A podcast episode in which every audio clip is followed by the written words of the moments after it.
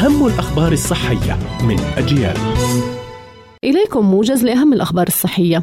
الجمعية الألمانية لطب العيون تقول إن التهاب القرنية الضوئي هو التهاب يصيب القرنية والشبكية بسبب التعرض للأشعة فوق البنفسجية لفترة طويلة أو بشكل مكثف.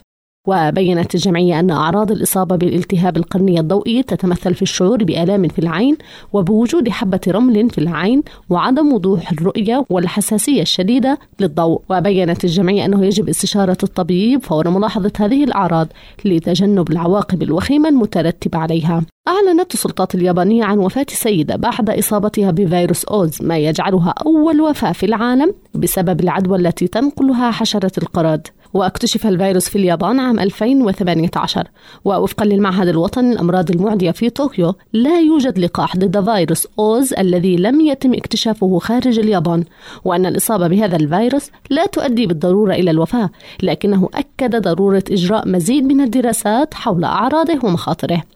حساسية القمح عبارة عن تفاعل تحسسي للأطعمة التي تحتوي على القمح ويمكن أن تحدث التفاعلات التحسسية بسبب تناول القمح وفي بعض الحالات عن طريق استنشاقه. وتظهر أعراض حساسية القمح في غضون دقائق إلى ساعات من تناول طعام يحتوي عليه. ومن علامات حساسية القمح التورم أو الحكة أو التهيج في الفم أو الحلق. الطفح الجلدي الاحتقان الأنفي والصداع وصعوبة التنفس والتشنجات. كانت هذه أهم الأخبار الصحية. قرأتها روزانا طه. إلى اللقاء.